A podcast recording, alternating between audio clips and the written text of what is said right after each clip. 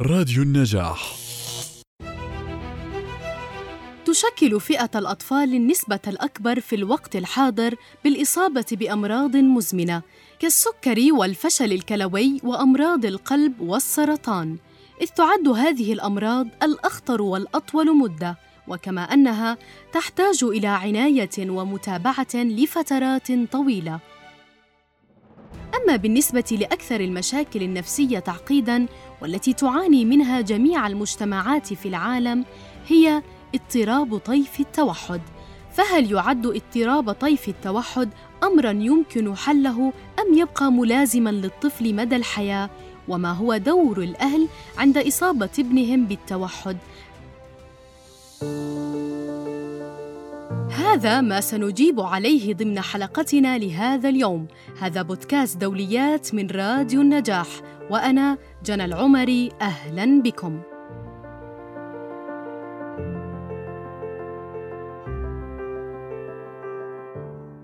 في دراسة بريطانية أشارت إلى أن الفترة الحرجة لتطوير التوحد تحدث قبل وأثناء وبعد الولادة مباشرة، فعندما تتعرض المرأة الحامل لعقاقير أو مواد كيميائية معينة يكون طفلها أكثر عرضة للتوحد.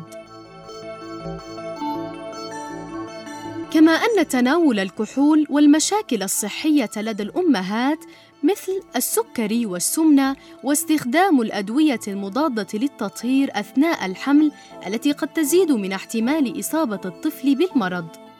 كما أن مضاعفات الحمل والولادة مثل الولادة المبكرة قبل 26 إسبوعاً وانخفاض وزن الطفل عند الولادة وحالات الحمل بتوائم قد تزيد من فرص الإصابة أيضاً. وحدثنا السيد مصطفى دنو والد لطفل مصاب باضطراب طيف التوحد. آه، بداية على عمر السنتين بدأنا نلاحظ تأخر وضعف في مهارات التواصل التفاعل آه، الاجتماعي عنده. آه، وتوجهنا لأطباء ما يعني قاموا بتشخيصه بالشكل الصحيح. وبعد توجهنا يعني بعد حوالي سنة من زيارات متكررة لأطباء مختلفين لحد ما بيوم آه، عرضناه عند أخصائية نطق ولغة ونصحتنا بالتوجه لمركز تشخيص الإعاقات المبكرة التابع لوزارة الصحة الأردنية واللي لما رحنا وأجروا تقييمهم تم تشخيصه باضطراب طيف التوحد آه، على عمر الثلاث سنوات وهي كانت مرحلة آه، مناسبة يعتبر في التدخل المبكر ونصحنا بوقتها الطبيب بالتوجه إلى مراكز التربية الخاصة وإن ابننا عشان يتطور آه، بيحتاج لجلسات آه، تربية خاصة تحليل سلوك تطبيقي اي بي اي نطق ولغة علاج وظيفي. وبدأنا بالمتابعة يعني منذ اليوم الثاني. آه، طبعا التحدي كان رهيب وما كنا متخيلينه وما كنا مستوعبينه. ويعني تفاجأنا وانصدمنا وكانت صدمة في البداية.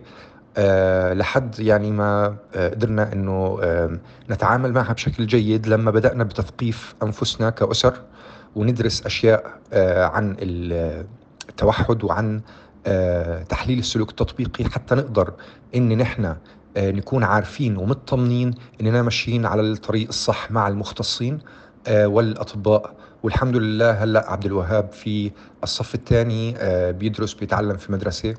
وأموره بخير ويا رب نتمنى لكل الأطفال آه، تمام تطوير المهارات وإن هم ينشأوا في بيئة عن جد بتقدم لهم كل ما يحتاجوه حتى يتطوروا يقدروا إن هم في يوم ما يكونوا آه، أعضاء فاعلين في مجتمعاتهم آه، ويقدروا إن هم يشاركوا في مجتمعاتهم بشكل فعال. قررت الأمم المتحدة الثاني من نيسان يوماً عالمياً لاضطراب طيف التوحد، حيث جاء هذا اليوم لتسليط الضوء على الحاجة للمساعدة في تحسين نوعية حياة الذين يعانون من التوحد. حتى يتمكنوا من العيش بحياة كاملة وذات مغزى كجزء لا يتجزأ من المجتمع لنتحدث أكثر عن اضطراب طيف التوحد وما هو الدور الذي يقع على كاهل الأهل عند إصابة ابنهم بالتوحد يسعدنا أن يكون معنا الأستاذ ليث عودة الحاصل على درجة الماجستير الماجستير في علم النفس الإكلينيكي.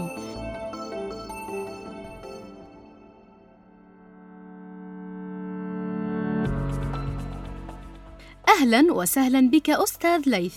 بداية أستاذ ليث لو توضح لنا مفهوم اضطراب طيف التوحد. اضطراب طيف التوحد هو أحد الاضطرابات القديمة اكتشف في خمسينات القرن الماضي وقبل هيك كانوا يشخصوا الأطفال اللي عندهم هاي الأعراض المشابهة لطيف التوحد على إنها أعراض فصام الطفولة. في البداية تم آه، تسميته بالتوحد ثم لاحقا وحديثا آه، انتقلنا لمسمى طيف التوحد.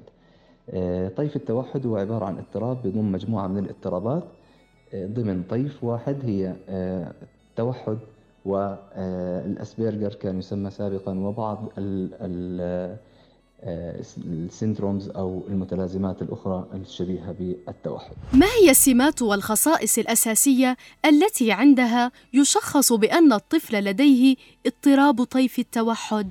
السمات الأساسية لاضطراب طيف التوحد عندنا سمتين أساسيات السمة الأولى هي آه، السلوك النمطي المتكرر وهي مجموعة من السلوكيات اللي يقوم فيها الأطفال دائما وبشكل متكرر وبشكل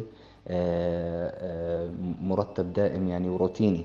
خلينا نحكي هو السلوك هذا ممكن يكون سلوك عنيف أو عصبية وممكن يكون في سلوك إيذاء للذات مثل العض ومثل نتف الجلد أو بعض السلوكيات المؤذية. وممكن يجي على شكل سلوكيات بسيطة مثل المشي على رؤوس الأصابع ومثل آه، سلوكيات أخرى. غير المشي على رؤوس الأصابع ولكنها سلوكيات متكررة ودائمة بشكل كبير بخلال اليوم بتأثر على حياة الطفل. النوع الثاني من الأعراض هي التفاعل والتواصل الاجتماعي. هذول الأطفال بيكون عندهم مشكلة في التواصل الاجتماعي أقل من الآخرين. ما في عندهم آي كونتاكت تواصل بصري وما في أنواع التواصل الأخرى. القدرة على بناء العلاقات أو الاستمرار فيها أو الاثنتين معا تكون مضطربة أيضا عند هؤلاء الأطفال. فإذا بالمحصلة عشان نشخص طفل بأنه عنده توحد يفترض يكون عنده هذول العرضين آه، دائما على الأقل بالإضافة إلى أعراض آه، أخرى ممكن تيجي مع الإضافة لهذه الأعراض اللي حكينا عنها اللي هي التواصل والتفاعل الاجتماعي والسلوك التكراري أو النمطي والسؤال الأهم أستاذ ليث ما هو دور الأهل عند اكتشاف أن ابنهم لديه هذا الاضطراب؟ وما هو المكان الأنسب لتشخيص حالة الطفل الذي تبدو عليه الأعراض؟ دور الأهل بهذه الحالات بالبدايات بتظهر آه، مؤشرات على التشخيص. قبل ما يصاب الطفل أو يظهر عنده الأعراض واضحة الأعراض التوحد تظهر بعمر ثلاث سنوات. فقبل ما تظهر واضحة بعمر ثلاث سنوات بيكون في مؤشرات على التشخيص. الأهل بهاي الفترة بيحاولوا أنهم يتجنبوا التوجه للعلاج أو للتشخيص وخصوصا بأنه هذا الشيء مرتبط بوصمة اجتماعية. فبالتالي بنشجع الأهل بالبداية أنهم يتوجهوا للتشخيص بشكل مبكر كل ما كان التشخيص مبكر كل ما كان الوصول للعلاج بيكون أسرع. والآن يعني صار في أساليب علاجية فعالة بتكون ممكن تساعد بشكل أكبر كل ما كان التدخل مبكر أكثر. فهذا أول شيء. النقطة الثانية أنهم بعض السلوكيات اللي يقوم فيها الأطفال بتعطي انطباع للأهل بأنه هذا الشخص بيتحدى أو أنه هو آه، بيسمع بس ما بيهتم. هو مش هيك هو نتيجة لاضطراب ونتيجة لمشكلة آه، عنده وليس لأنه هو طفل عنده مشكلات سلوكية أو عنده مثلا بيحاول يتحدانا أو يعمل معنا مشاكل.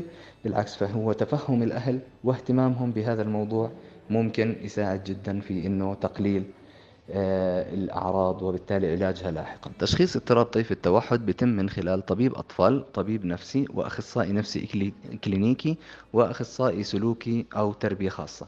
هؤلاء الأشخاص الأربعة هم اللي بيقوموا بعملية التشخيص ثم بعملية التدخل وبناء الخطة العلاجية. فما بيكفي واحد منهم للتشخيص وبنفس الوقت آه، ما بيكفي ما بصير إنه نستغني عن حدا منهم آه، بعملية التشخيص والأدوات اللي ممكن يستخدموها ممكن تمتد من المقابلة الإكلينيكية وجمع البيانات حول الطفل من التاريخ بالإضافة لبعض الأدوات المقننة الاختبارات اللي بنستخدمها وأدوات أخرى ممكن يتم استخدامها للتأكد من إصابة الطفل بالتوحد أو طيف التوحد أستاذ ما هو العلاج الأفضل لأطفال التوحد؟ علاج اضطراب طيف التوحد ممكن يكون بعدة طرق مثل ما حكينا في عدة أساليب مستخدمة للعلاج من طيف التوحد. من ضمن هاي العلاجات واللي هي بتعتمد بشكل رئيسي على العلاج السلوكي ممكن ما يسمى بتحليل السلوك التطبيقي وهو عبارة عن آه، أسلوب علاجي بيعتمد على تحديد السلوكيات المضطربة لدى الطفل وبناء خطط علاجية لكل سلوك مضطرب. إضافة لهي الأشياء في عنا اللي هو التدخل المبكر بأعمار صغيرة وهو تدخل سلوكي أيضا ممكن يعتمد على مدارس علاجية مختلفة. وفي بعض الحالات بنضطر لاستخدام الأدوية عندما تكون السلوكيات شديدة أو الأعراض آه، أكبر من المتوقع أو أكبر من أنه نسيطر عليها. لكن هذا الشيء مش دائما نلجأ له ومش دائما بيكون آه، يعني آه، مؤذي أو مؤثر على الطفل بطريقة سلبية يعني عادة إحنا ما بنلجأ له إلا للضرورة. وأيضا الآن العلم تطور في موضوع الأدوية وصارت هاي الأدوية ممكن تكون آه، تساعد على العلاج بأقل آه، آثار جانبية. بالإضافة لنقطة مهمة جدا إنه هاي العلاجات هي لا تسبب الإدمان لدى الطفل وبالتالي ممكن تكون الخوف. أقل لما بنعرف أنها ما بتسبب الإدمان وأخيرا أستاذ ليث نأتي للسؤال الأهم وهو هل هناك اضطرابات مصاحبة لاضطراب طيف التوحد؟ من النقاط المهمة أيضا اللي ممكن نضيفها إنه كثير من اطفال طيف التوحد ما بيجي عندهم طيف التوحد آه لوحده بيكون عندهم اضطراب آخر مثل الإعاقة العقلية مثل الكتاتونيا ومثل اضطرابات أخرى. لذلك ممكن عملية المعالجة تختلف من طفل للثاني على حسب عدد الأعراض وعدد الاضطرابات اللي موجودة عنده. فالطفل اللي عنده إعاقة عقلية مع توحد بتكون يعني العلاج متأخر أكثر وبيحتاج لفترة أكثر وجهد أكبر. بالمقابل الطفل اللي عنده طيف توحد فقط وكان متوسط أو بسيط أو شديد على حسب الأعراض. يعني أعراض بسيطة بتكون فترة أقل تدخل أقل. آه، متوسط بتكون فترة متوسطة مع تدخل يعني بحجم متوسط والشديد بيكون محتاج لتدخل أكبر وفترة آه، أطول. بالإضافة أنه الأعراض الأخرى لاضطرابات أخرى إذا كانت مصاحبة لهذا الاضطراب هذا الشيء ممكن يزيد من آه، الحاجة للتدخل والوقت اللي بنتدخله أكثر.